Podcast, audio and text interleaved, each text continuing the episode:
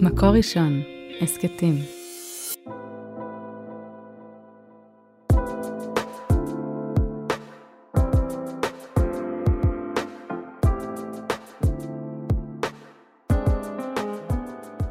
שלום לכולם, אנחנו בפרק חדש של ההסכת עד אהבה, ואני שירת מלאך, יועצת ומלווה מבקשי זוגיות, ומארחת היום את אה, אלומה לב, שלום אלומה. שלום וברכה. אלומה מלמדת ימימה וכתבה שני ספרים, במלוא הדופק, שזה ספר על אה, רווקות, וספר נוסף יצא ממש עכשיו, עד שליבך התנגן, לימוד ימימה. ובאנו לדבר היום על אה, רווקות וימימה. ילכו שניהם יחדיו, כמו שתמיד היו עושים כותרות בפאנלים של פעם. כן, אז ספרי קצת עלייך, אלומה. מי את אלומה לב? וואו, זו שאלה קשה. אני בת 39, גרה במחולה, בבקעה. אמ, עוסקת בלימוד ימימה הרבה שנים כבר, זה מדהים ש... כאילו, אני לא קולטת שכבר הגיל, הזמן עובר ונהיה לי רזומה, זה ככה... אה, אני שמחה מאוד אבל לעשות את זה. אה, מלמדת קבוצות, כותבת, עורכת, כותבת הרבה טורים, שבאמת בשנה האחרונה קיבצתי אותם לספר. וכנראה אחד מהחלקים שלי בחיים הוא גם הרווקות. הוא גם uh, תופס, uh, הרווקות תופסת נתח די uh, משמעותי. כן, את הספר הראשון שלך הקדשת כולו לרווקות. נכון, אני לא תכננתי, והאמת אני מסתכלת היום ואני אומרת, וואו, בת 32, כתבתי על רווקות מאוחרת, מי ידע מה עוד יגיע, כאילו, אני כבר עברו שנים. זה כבר היה לפני שבע שנים? כן, כן. ואת מתבוננת במה שכתבת, ומה את רואה שם היום? זה מעניין, כי מה שאני רואה היום ראיתי מיד כשהוא יצא. אה, היו לי הרבה נקיפות מצפון על הספר הזה, כי ההתחלה שלו, בשביל להכניס לאווירה של רווקות, הרגשתי שהיא קצת מתבכיינת. היה שם איזה מקום כזה שאמרתי, רגע, אני, אני מרגישה את הכאב הזה ברגעים מאוד חדים, אני לא מרגישה אותו כל הזמן, אז למה הנכחתי אותו בצורה כל כך חזקה? היה לי הרבה דיונים עם עצמי, האם טוב לספר הזה שהוא יצא או לא. אני כן ראיתי מהתגובות שכן, שהרבה אנשים הזדהו, ועכשיו גם בגלל הספר החדש, הרבה קוראים גם את הספר הקודם. אני יודעת שזה כאילו... זה קול שכנראה היה צריך לצאת לעולם. היה צריך לצאת. זה תדר אחר במציאות ממה שאני היום, אבל אני שמחה שהוא יצא, ואני כן מרגישה בבירור שהוא פינה את הדרך, פילס את הדרך לספר הנוכחי. כן, ובעצם הספר הקודם קצת צבע אותך בגוון של ה... אה, רווקה שחולקת את עולמה. רווקה מקצועית. והיום את, את בזהות מאוד חזקה של מלמדת ימימה. אני חושבת ששתי הזהויות הן, אה, הן הזהויות שלי. יש עוד הרבה זהויות, אבל אלה גם אה, זהויות שלי. החלטתי לא להתכחש. פעם זה היה נראה לי כאילו אם תדברי על זה יותר מדי, זה ממכר, זה כאילו להשתקע שם. הרווקה המקצועית הזה, זה באמת איזשהו ביטוי כזה, שאני חושבת שמישהי אמרה לי אותו פעם, את עוד שנייה הופכת להיות רווקה מקצועית, כאילו... שמה מה... זה, למה היא התכוונה ומה את רואה בזה? היא התכוונה לגנות, אני מניחה, אני יכולה לדון אותה לכף זכות, אבל זה היה איזשהו מקום של, אה, תפסיקי לדבר על זה כל כך הרבה, תפסיקי כאילו לשהות בזה. היום, אני תמיד אומרת לעצמי, מי יודע אם לעת כזאת הגעת למלכות. כל פעם שמבקשים ממני לדבר על הרווקות, זה מה שאני אומרת לעצמי. ברור שאם זה איזשהו מרחב שלא מתאים לי, אני לא אעשה את זה. ואני מודה שגם לכאן הגעתי בגלל שאמרנו שנדבר על לימוד ימימה. אה, כשהם מזמינים אותי רק מהחוויה של הרווקה, זה כבר פחות, אה, יש עוד מספיק רווקים ורווקות שידברו. אז באמת אנחנו רוצות לדבר על הממשק הזה ועל המקום של לימודי ימימה תופסים בכלל, ובהתמודדות עם היעדר ועם חסר לאורך זמן אה, בפרט. ואולי בתור אה, הקדמה, בואי תתני לנו ככה איזה תקציר בכלל על לימודי ימימה. כי ימימה לא כתבה את כל התורות שלה רק על רווקות. ימימה לא כתבה את התורות שלה בכלל, צריך לומר את זה, היא לימדה ודיברה והתלמידים שלה כתבו.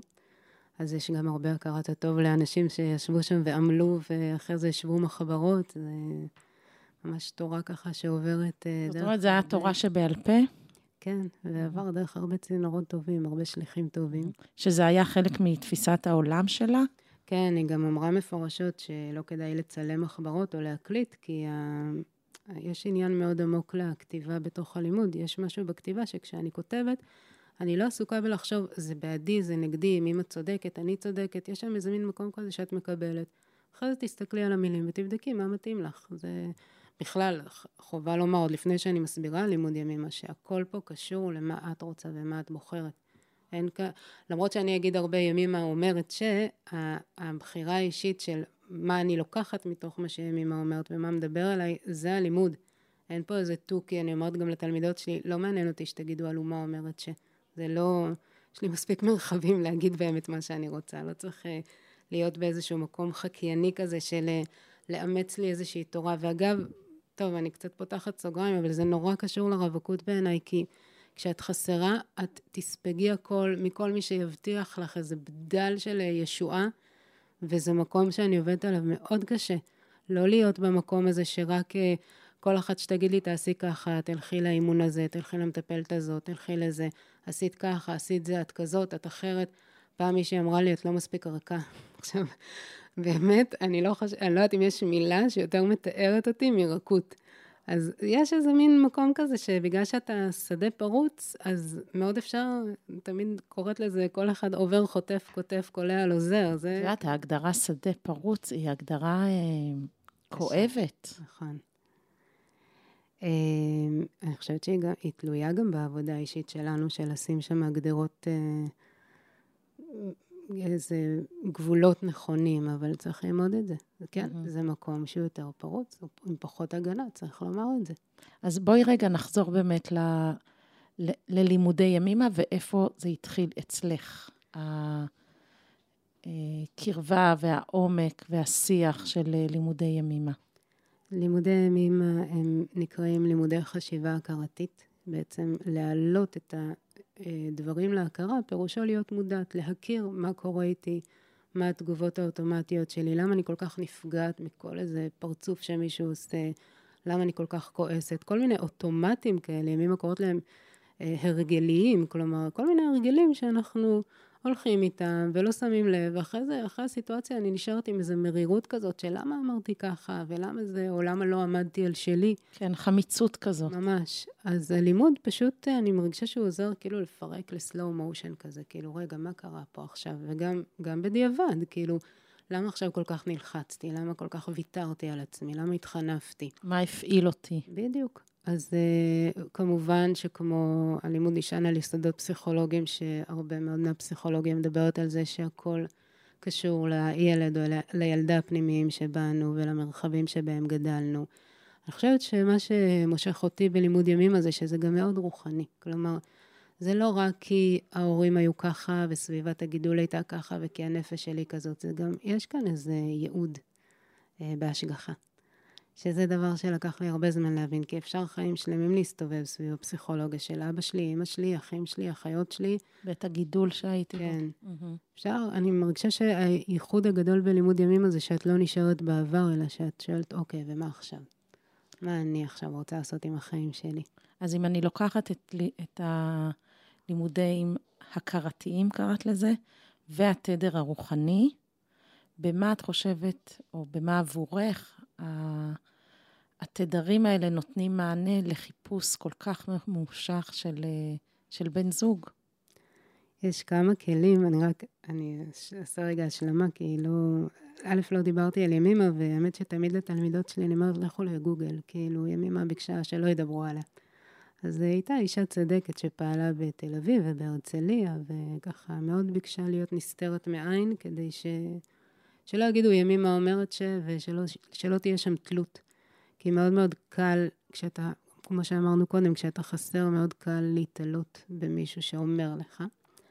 אני כן אגיד גם שאני הגעתי ללימוד בזכות אה, אישה יקרה מאוד, שבזמן שאנחנו מקליטות, בשבוע שבין ראש השנה ליום כיפור, זה האזכרה שלה. קראו לה סלית הדסה שטרית לבית גוטמן, היא גם בת המושב שלי, בת מחולה. Mm, אני זוכרת אותה, היא נרצחה בכביש הבקעה. נכון, לפני 22 שנה. האמת שבדיוק אימא שלה ביקשה ממני לדבר באזכרה, וזה כבוד מאוד גדול בשבילי, אבל יש לנו ברית במשפחה, אז... אה, אבל כל שנה אני משתדלת בזמן הזה ללמד משהו מהמחברות שלה. אימא שלה יום אחד אמרה לי, בואי, קחי את המחברות שלה מהלימוד שלה אצל ימימה, לקחתי והוצאתי מהם חלקים, שככה נקראים הטקסטים בלימוד, וזאת הייתה ברכת הדרך שלי להתחיל ללמד. זה ממש היה איזה מין, אוקיי, בואו, קדימה, בואו נתחיל. סלעית פתחה לך את השער. כן, אני ממש הרגשתי ככה, הכרנו, כי באמת היינו באותו מושב ובאותם מרחבים, היא הייתה גדולה ממני, אבל אתמול כתבתי לאמא שלה שאני אני לא, לא ידעתי אם אני יודעת עד כמה היא משפיעה על החיים שלי. Mm-hmm. ו... אז זו הזדמנות יפה ככה להעלות את זכרה דווקא בימים האלה. כן, זו ממש האזכרה שלה עוד אה, בזין בתשרי. כן, ואז את היית בעצם כבר בת 20, ממש צעירה, מתחילה את הצעדים הראשונים שלך בחיפוש זוגיות. הייתי בכלל במרחבים אחרים, למדתי ארכיטקטורה באריאל, הייתי מגניבה, המון דברים מאוד אה, ככה סקרנו אותי. אני זוכרת שהיו איתנו הרבה בוגרי הודו, וזה מאוד עניין אותי, זה מאוד כזה... אנשים ממרחב אחר, תל אביבים כאלה, וואי, אני מרגישה שאני נשמעת כמו קלישאה עכשיו, אבל תמיד הייתי באיזשהו מקום פתוח. גדלתי, מושב מחולה זה מקום מאוד פתוח, אתה יכול להיות שם הכל. אבל אני כן אגיד שגדלתי כבת של הרב, וכאילו במקום היותר דוסי, ואולפנה והכול. ויש משהו באומנות שהוא פשוט פתח אותי לעולם. ואז התחלתי גם ללמוד ימימה, אז כנראה משהו טיפה כזה... פתאום פגשתי את עצמי בדרך אחרת, כי אני חושבת שעד אז ידעתי על עצמי, גם הייתי די צעירה, צריך לומר את זה, גיל 20 זה מאוד צעיר. ידעתי על עצמי כל מיני דברים, ואני חושבת שבגילאים האלה המאבק החיצוני הוא מאוד מאוד נוכח, כלומר, מה חושבים עליי, מה רואים עליי. אה, דייטים, אה, בכלל, החברות הראשונות שלי התחילו להתחתן, וזה היה כזה מין, רגע, מה... איפה העמדה שלי בכלל מול הדבר הזה? מה אני רוצה? מה אני מחפשת? אה, מה מחפש אותי? זו גם שאלה שמאוד העסיקה אותי. ובמה ימים, מה הצליחה לתת מענה לחלק מה... השאלות וסימני השאלה והבירורים? היא נותנת הרבה מענה. אני אגיד שני כלים, אבל אני רק אגיד לפני כן שלי לקח הרבה זמן עד שהלימוד חלחל. היום תלמידות מיד, או קוראות נניח את הספר, אומרות לי, וואי, איך נפתח לי הלב, איזה דבר מדהים, או אני גם רואה תלמידות שמגיעות לשיעורים, ומיד אה, משהו קורה. התודעה כנראה יותר פתוחה לזה, לי לקח כמה שנים עד שיכולתי לומר, הלימוד עוזר לי ב... א', ב', ג'. כמו איזה תרגול כזה, שמתאמנים כן. ומתאמנים, ולאט לאט עד שהם מסגלים את השפה ואת צורת החשיבה. כן, אה, גם את צורת החשיבה, אבל גם אני חושבת שאני הייתי צריכה להתבגר קצת. כאילו, אני הייתי צריכה טיפה להבשיל. גיל 20 זה באמת צעיר. לפחות מה שאני הייתי בגיל 20. כן.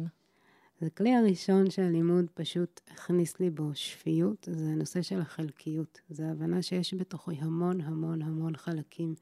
אני לא רק חלק אחד, אני לא רק הרווקות, אני לא רק הקושי שלי. יש לזלדה שיר מדהים, אשמנה כל חן ברכות השחר. ובתחילת השיר היא מתארת את הלילה הסיוטי ואת זאת שיושבת חרדה ומחשבת uh, טרדה את מנוחתי.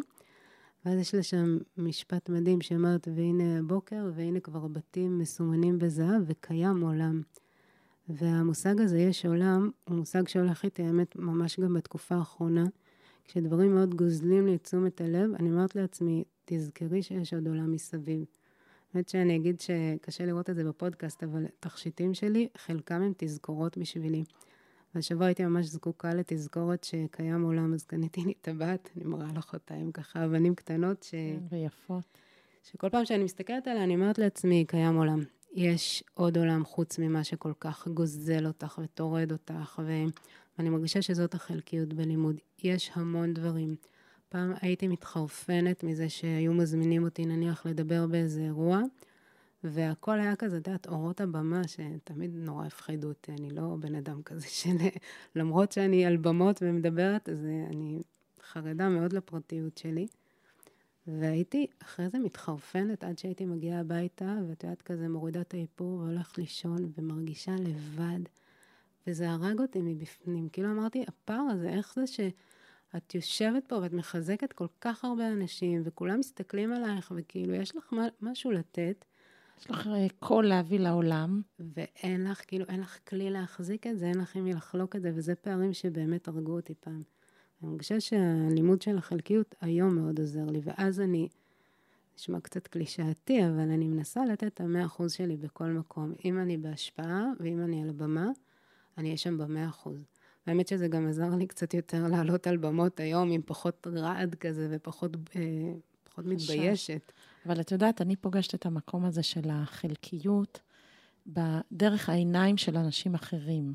זאת אומרת, שמסתכלים על uh, רווקים ורווקות ורואים בהם רק את הרווקה, רק את הרווק. אפילו הורים שהם עסוקים מאוד ברווקות של הילדים שלהם, וצריך לעזור להם לפעמים לפתוח את המבט ולהגיד, איזה ילדה מדהימה יש לך. ואני זוכרת שמישהי פעם אמרה לי, שאימא שלה תמיד בירכה אותה בסוף השבת, ככה כשהיא חזרה לדירה, בעזרת השם, שתמצאי זיווג הגון. אמרה, אימא, תברכי אותי גם, שאני אצליח בעבודה ושיהיה לי טוב, וש... למה לכמת את הברכות רק לדבר הזה? יש משהו בחסר שהוא שואב. אני חושבת שהוא גם אמור לשאוב, אחרת לא היינו, אם הוא לא היה כואב, לא היינו שמים לב שהוא חסר. אבל uh, באמת אני רואה את זה שלפעמים יש אנשים שיש להם טיפה נקיפות מצפון כלפיי, זה מוזר קצת, אבל זה ככה. נניח מישהי שיולדת והיא מתארת לי איך כל הלידה היא חשבה עליי, ואיך היא עם תינוק קטן רק חושבת על שידוכים בשבילי או זה, וכאילו בא לי להגיד לה, תנוחי טיפה, ילדת, הכל בסדר. כאילו, אני לא רווקה מהיום. תני רגע מקום לעצמך, את לא צריכה לפצות אותי על מה שיש לך. או עכשיו גם הגיע, צריך לומר, זה דבר שפחדתי ממנו הרבה שנים, אבל כנראה, אולי ידעתי שהוא יגיע, שפתאום חברות שלי מחתנות ילדים, שזה... את יודעת, חברות שלי שישנו איתי מיטה על מיטה באולפנה, כאילו ראש אל ראש, ו...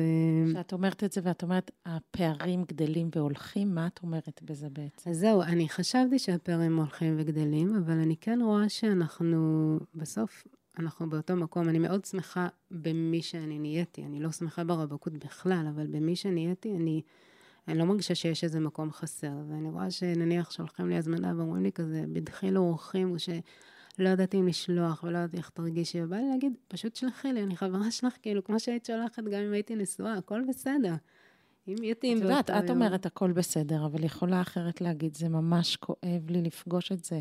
והבבואה הזאתי. גם לי זה כואב לפגוש את זה, לא חלילה, אני מאוד משתדלת שהכאב שלי לא ייצר את צעדיהם של אחרים, אבל ברור שזה כואב, ברור שזה מציף פחדים. אני חושבת שפחד הוא הרגש הכי עמוק ברווקות, לפחות אצלי. מעניין שכמעט טעיתי ואמרתי בזוגיות, אבל אולי זה ככה פרוידיאני.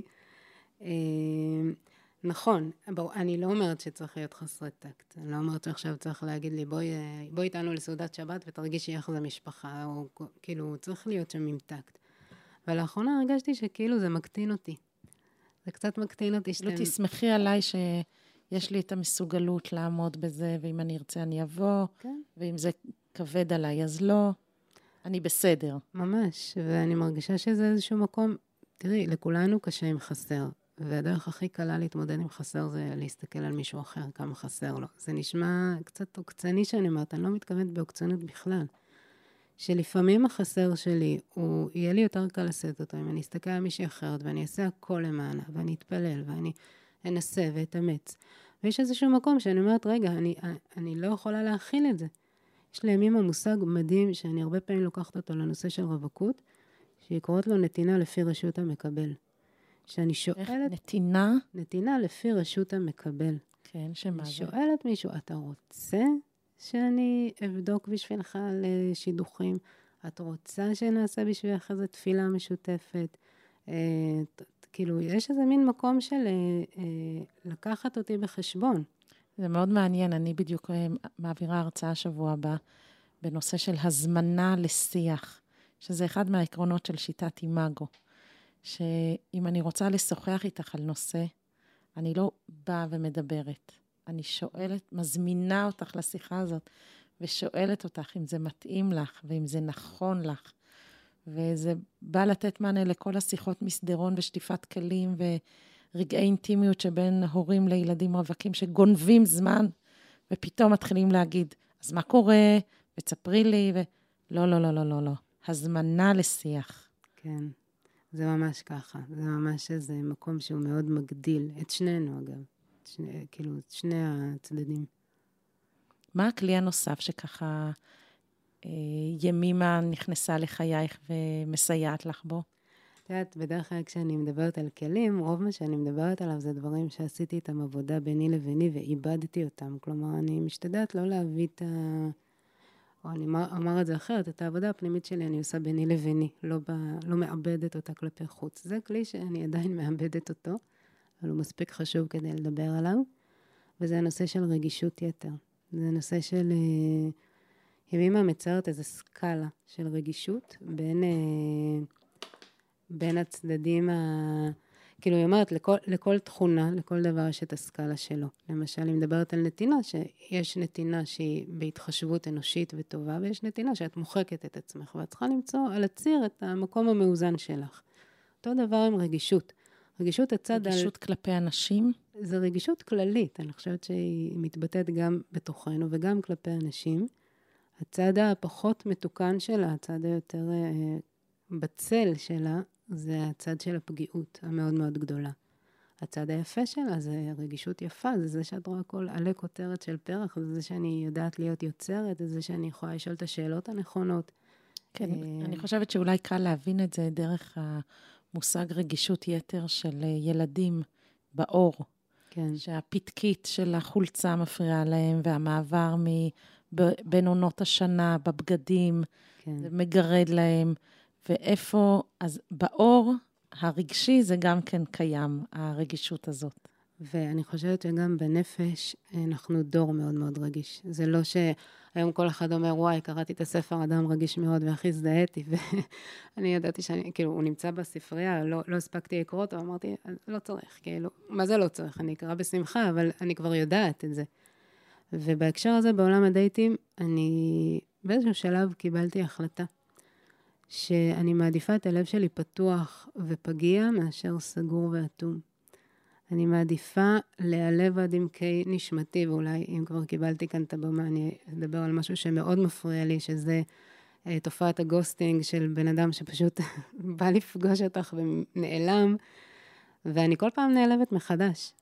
והאמת... זה יותר, לצערי, לצערי, אבל אני חייבת להגיד שזה יותר ויותר רווח. זה רווח וזה כל כך מוזר בעיניי. כאילו, לאדם שהיה פונה אליך בענייני עבודה, לא היית נעלם. את יודעת, פעם גם אה, להיפרד בהודעה זה, זה נראה כמו איזה חוסר נימוס. היום, שלח הודעה, הכל בסדר. זה דבר שפגשתי אותו המון בשנים האחרונות, ואני כל פעם בשוק. אני כל פעם מחדש נפגעת מזה, כי אני בן אדם.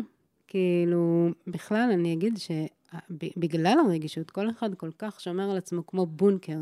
חשוב לי להגיד ראשון, שאני, לא, זה לא מוצא חן בעיניי, כדי שזה...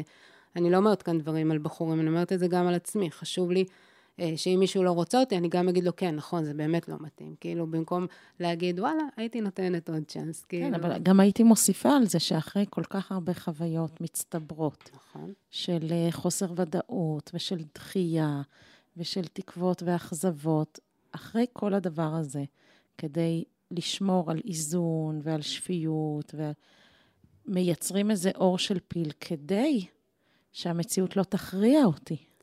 אז אני חושבת ששם יש איזונים מאוד עדינים, שכמו שאמרתי, אני עדיין עובדת עליהם. לא להיות אדישה, ולא להיות מתנשאת, ולא להגיד, אה, אני עשיתי ככה וככה והוצאתי רב-מכר, אז אה, אני יכולה לעשות מה שבא לי ולהגיד מה שבא לי, ולהגיד כן או להגיד לא. זה איזשהו מקום מאוד עדין של, כן, אני מעדיפה את הלב שלי פתוח, ואני יודעת שיש לזה מחירים. ויש לזה מחירים. באמת, זה... בואי תספרי לי סיפור אישי, שדרכו אני אבין את המינונים האלה שאת אה, מנסה ועובדת על למצוא בתוכך. אני, אני רוצה דווקא לא לספר מעולם הדייטים, כי אני מאוד משתדלת לא לדבר על הדייטים שלי, אבל... אה, כשהספר יצא, זה דבר מדהים, שנורא אה, חיכיתי לו, ממש, זה פרויקט של שנים. אני שנים רציתי להוציא אותו, וגם העבודה עליו היא לקחה שנה, זה, זה משהו די גדול ככה, די אה, רציני. ולא יודעת למה, אבל היה לי בטוח שכשהוא יצא הכל יסתדר. אני מיד, אה, מיד אמצא מישהו, מיד ככה, ממש, היה לי, הייתי בטוחה שהכל יסתדר. ובפועל קרו כמה דברים ביחד מולו. גם עניינים שקשורים אליו, שככה חלקם עדיין מתרחשים, זה כל מיני עניינים מאחורי הקלעים, בקשור, קשור להוצאה שלו, וגם... אה, אני לא רוצה כל כך להיכנס לזה, אבל, אבל כאילו יש שם, זה לא כל כך פשוט להוציא את החומר של ימימה לאור. אני אפשר לומר שהייתי קצת, אני לא יודעת אם יהירה, אבל הייתי צריכה תעוזה בשביל זה. ו... ופתאום הוא התחיל למכור, ואני נורא נבהלתי. הוא התחיל למכור ועוד ועוד, ואנשים קונים, ואני כזה, אימא'לה, מה קורה פה? כאילו, וזה עדיין, אגב, זה עדיין ברמה שאני פשוט, זה מבהיל אותי נורא, אז עכשיו טיפה יותר להתיישב. שמה? שמה? קודם כל, אני אומרת שמזל שלא ידעתי שהוא ימכור ככה, כי אחרת אני חושבת שהייתי כותבת עם קצת יותר חנפנות. אז טוב שלא ידעתי. יש פה חלקים אישיים, יש פה פרק על שימור פוריות, יש פה דברים ש... שאני שמחה שהייתי אותנטית. אני חשבתי שמי שיקנה אותו זה מי שאו מכיר אותי ואוהב את הכתיבה שלי, או מי שמעניין אותו לימוד ימימה. היה גם איזשהו מספר עותקים שאמרתי, אליו אולי נגיע, בתרחיש הטוב. אני לא רוצה להגיד לה, זה, ש... זה שילש את עצמו, כאילו, מהתרחיש האופטימי שלי בזמנו. ו... אז מה זאת הייתה הבהלה הזאת? זהו, שהבהלה הייתה קשורה גם לעוד כמה דברים. עשיתי איזושהי בדיקה גם, אה, שגם הייתה קשורה, אולי זה גם מקום טוב לנצל את הבמה, למי שלא יודעת, שאפשר אה, להרחיב את הנושא של שימור פוריות. הגדילו את מספר הטיפולים שאפשר לעבור ואת מספר הביציות, וזה דבר כן, שכן... כן, מ-20 ל-35. כן, אז זה דבר שכן חשוב לי לומר uh, לבנות, והלכתי, רציתי לעשות את התהליך הזה גם, ל- ל- כאילו להגדיל עוד, כי בסוף, uh, כן, הזמן עובר, ואני מאוד רוצה זוגיות וילדים. ובאיזושהי בדיקה שגרתית, uh, משהו היה לא תקין, דווקא לא בהקשר של פוריות, אלא משהו אחר בגוף, וזה הבהיל אותי עד מוות. ממש, ברמה ש... ממה שהבנתי, הרבה נשים עוברות את הבדיקה הזאת והרבה נשים נבהלות לחינם. לא יכולתי לדלג כנראה על השלב הזה. והשבעתי איזה חברה ואמרתי, אני מבקשת שאם יקרה לי משהו שלא יזכרו אותי כזאת החסרה, רווקה, שזה מה שהשאירה אחריך, אחריה וזאת הצוואה שלה. תזכרו אותי, אם דיברנו על חלקיות, שאני אוהבת להתלבש ואני אוהבת להתאפר, והייתי מצחיקה והייתי... קיצור, נכנסתי שם לאיזה, לאיזה סחרחורת כזאת של פחדים קיומיים, ובתוך זה גם עשיתי איזה שיפוץ, והכל היה ביחד, כאילו... וזה היה איזשהו מקום שממש הרגשתי שאני מתפרקת, כאילו... יש לי מדקרת שאמרה לי, ראיתי אותך בהרבה תקופות, את לא התפרקת הפעם, אבל כן, היה לך קשה, בסדר, לא התפרקת. והתחלתי לומר את, זה, את כל זה מתוך הרגישות. האם הייתי רוצה לעבור את התקופה הזאת של הוצאת הספר כשאני הולכת לי על איזה, עם איזה אף בענני ואומרת... אבל אני... מוחזקת, אולי יותר מוחזקת או יותר אסופה. אז אה, השבוע היה לי איזו שיחה עם הרבנית ימימה מזרחי המתוקה, שתמיד ככה מתבלבלים בלימוד ימימה. היה לנו איזה אירוע ביחד, ודיברתי איתה קצת מאחורי הקלעים על הקושי עם הספר, והיא אמרה לי, את יודעת, אני... כשאומרים לי משהו קשה, אז יש לי את בעלי, הוא מכניס אותי לפרופורציות, הוא אומר לי, הכל בסדר, כל... אין לך את זה. ואז היא אמרה לי, אני אהיה הבעל שלך בהקשרים האלה, אני אבוא ואגיד לך, הכל בסדר, את בסדר, אה, זה יעבור, והיא ממש ככה בירכה אותי ומאוד חיז, חיזקה אותי. היא גם אמרה לי, תראי, יש בנות שהרווקות יפה עליהן. שהן הולכות מכאן לשם, את רואה את הסטוריז שלהן, והן בהופעות, והן זה, והן... אבל אני קצת כופרת בזה, את יודעת? סטוריז זה ברור שזה... כאילו, זה הרבה... כן. איזה קול, תדר שיש במציאות, אבל בסוף, כמו שאת אמרת, נכון. לפחות באופן שאני פוגשת הרבה גברים ונשים, ללכת לישון לבד, זה מה שבסוף הלב אומר, נכון. שזה קשה וזה לא קל. היא אמרה לי את זה, היא אמרה לי, רואים, בניגוד לרווק, כאילו, לדברים שמצטיירים על אחרים, רואים שלא נוח לך ברווקות, רואים שזה קשה לך. אני, אני יודעת באמת שאני לא ממצה את כל הפוטנציאל של השמחה שלי ושל ה... אני מאוד שמחה, אני מאוד שמחה להיות אני, אבל הלבד הוא הורג אותי, אני באמת, סליחה על המילים הקשות, אבל קשה מאוד. וכן, יש מקומות שהייתי זקוקה לגב תומך, ויש מקומות שאני יודעת שיצאתי מפרופורציות, שפחדתי מעבר לפרופורציה, שלא משנה מה אמרו לי, אני כנראה הייתי צריכה לעבור במנהרה הזאת. ובכל הדבר הזה, את מרגישה שרשת הביטחון של אה, לימודי ימימה היא משמעותית עבורך? כן, היא מאוד משמעותית. היא נותנת לי להבין את עצמי כשקורה לי הדבר הזה. היא נותנת לי להגיד לעצמי, תנוחי קצת, עכשיו זה זמן קשה. תנשמי קצת, תעשי, באמת, אני תמיד הולכת יותר לדיקור, יותר לטיפול, יותר לכאילו מרחבים כאלה שבאמת מחזקים את הגוף ואת הנפש. אבל אני, האם הייתי יכולה לעבור את זה אחרת? האם הייתי יכולה שזה יהיה לידי כמו איזה ענן חולף כזה? אולי, אני לא יודעת. הרגישות שוב אני אומרת, היא מתנה והיא עול, ואני כל הזמן מנסה להעביר אותה לצד הטוב שלה. לפעמים אני מצליחה ולפעמים לא. את יודעת, את סיפרת לי שיש לך גם קבוצת לימוד לנשים רווקות. איך בתוך הקבוצה והלימוד, באמת את אה, שומרת גם על, על עצמך, שאת לא הרווקה המקצועית? אני לא רווקה מקצועית בכלל, אם הייתי מקצועית אולי היה מצליח לי. אבל גם באמת להחזיק את הכאב והבדידות והקושי בתוך קבוצה שגם את שותפה לכל ה... למנעד הרגשות הזה. קודם כל, אני מתפללת על תלמידות שלי. זה משהו שמאוד מחזיר אותי למקום ואותם למקום. אני יודעת שאנחנו לא תמיד באותם מקומות, ואני, התפילה הזאת, אני, אני ממש לא מתכוונת לומר את זה ממקום מתנשא, אלא ממקום שאני הייתי שמחה לדעת שהמורה שלי מתפללת עליי. זה איזשהו מקום שזה מה שאני יכולה לעשות עבורך. לא, אני בטח לא מתקנת אף אחד ולא יכולה להגיד לאף אחד מה לעשות, אבל אני, הלב שלי איתך, וגם חשוב לומר, הוא איתך עד גבול מסוים. זאת אומרת, ההפרדות הן חשובות. החיים שלי הם החיים שלי, התלמידות שלי זה המקום שלהם. כשלפעמים מתייעצות איתי תלמידות רווקות, אני משתדלת ממש לקלף מעצמי המון המון המון קליפות של הזיכרונות שלי ופגיעויות שלי ודברים שאני עברתי כדי לענות להם בצורה יותר מדויקת. אני גם רוצה לומר ש... אני רוצה לומר שאחד הדברים שלמדתי זה שכשנשמה עוברת איזשהו מסע, אחת המתנות שהיא יכולה לתת לעולם זה לחסוך לאחרים את הדרך. אז את זה ראיתי למשל כשהאחיות שלי הקטנות התחתנו, הן קטנות, הן תאומות קטנות ממני ב-14 שנה, וכשהן התחילו לצאת לדייטים... שזה איזה הוא חכם כבעל ניסיון במובן של ניסיון של אחרים. כן, אז כשהם התחילו לצאת לדייטים, אמרתי לעצמי, יש לך פה שתי החלטות, או להתכחש ולהדחיק ולכאוב, או לחסוך להם מה שאת למדת. וזה מה שהחלטתי, שאם יש, א', אם הן רוצות לשמוע, אבל גם אם יש משהו שאני יכולה לומר ולעשות, אז אני אתן להם אותו, וזה גם משהו שאני מרגישה שאני נותנת לתלמידות שלי. אז את יכולה ככה לקראת סיום לתת גם לנו איזה לימוד ימימה שככה ילווה אותנו בהמשך היום ובהמשך המסע? אני יכולה לומר שאני ממש ממליצה כל מה שאפשר להוריד לעצמך מהגב, פשוט להוריד. כל האחריות הזאת של אני רווקה כי א', ב', ג', כי איפשהו לקחתי פנייה לא נכונה, כי ההורים שלי ככה, כי המשפחה שלי, כי גדלתי בחברה כזאת, כי חזרתי בתשובה, כי חזרתי כי בשאלה. כי בקשר הזה אמרתי או לא בדיוק, אמרתי. להוריד את זה מהגב שלנו. אני תופסת את הרווקות כשדה שדרכו אני מתפתחת. כשאני אתחתן בעזרת השם, אני אתפתח דרך הזוגיות.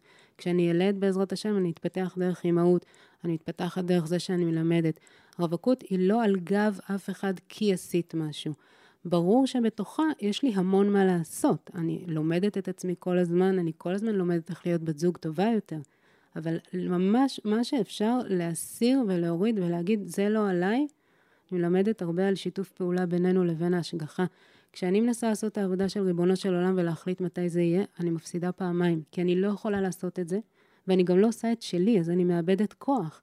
אני מאבדת כוח במה שאני יכולה לעשות, ממש לעשות רשימה מה אני יכולה לעשות בתוך הרווקות. זה מזכיר לי קצת את המושג נפרדות, ששמעתי כן. אותך מלמדת אותו בהקשר אחר, להורים לרווקים. כן, מה אני יכולה לעשות, ומה בידי השגחה.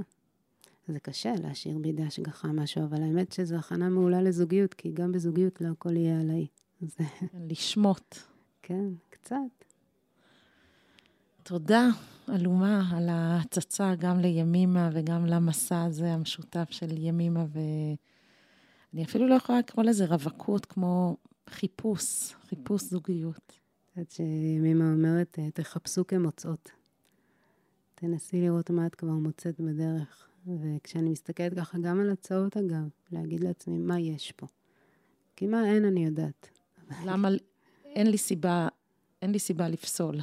זהו, אז אני מנסה לראות מה כן יש פה, ומתגלים לי דברים מדהימים. בכלל, החסדים הם במקומות מאוד אינטימיים, כלומר, זה שמישהו רואה אותך, וזה שמישהו, אה, סתם איזה בחור שהציעו לי, שלח לי בוואטסאפ איזה כתבה שהתפרסמה על הספר שלי בעיתון. בכלל לא ראיתי אותה, אבל זה מין כזה, ראיתי. ראיתי אותך וראיתי את מה שחשוב לך. אז כאילו אמרתי לעצמי, זה, תסתכלי מה יש פה. תחפשו כמוצאות. כן. אהבתי. תודה. תודה רבה, בהצלחה לכולם, בשורות כן, טובות. תודה לאומה, ותודה לאוהד רובינשטיין, ותודה לעדי שלם רבינוביץ', וכולי וכולי וכולי.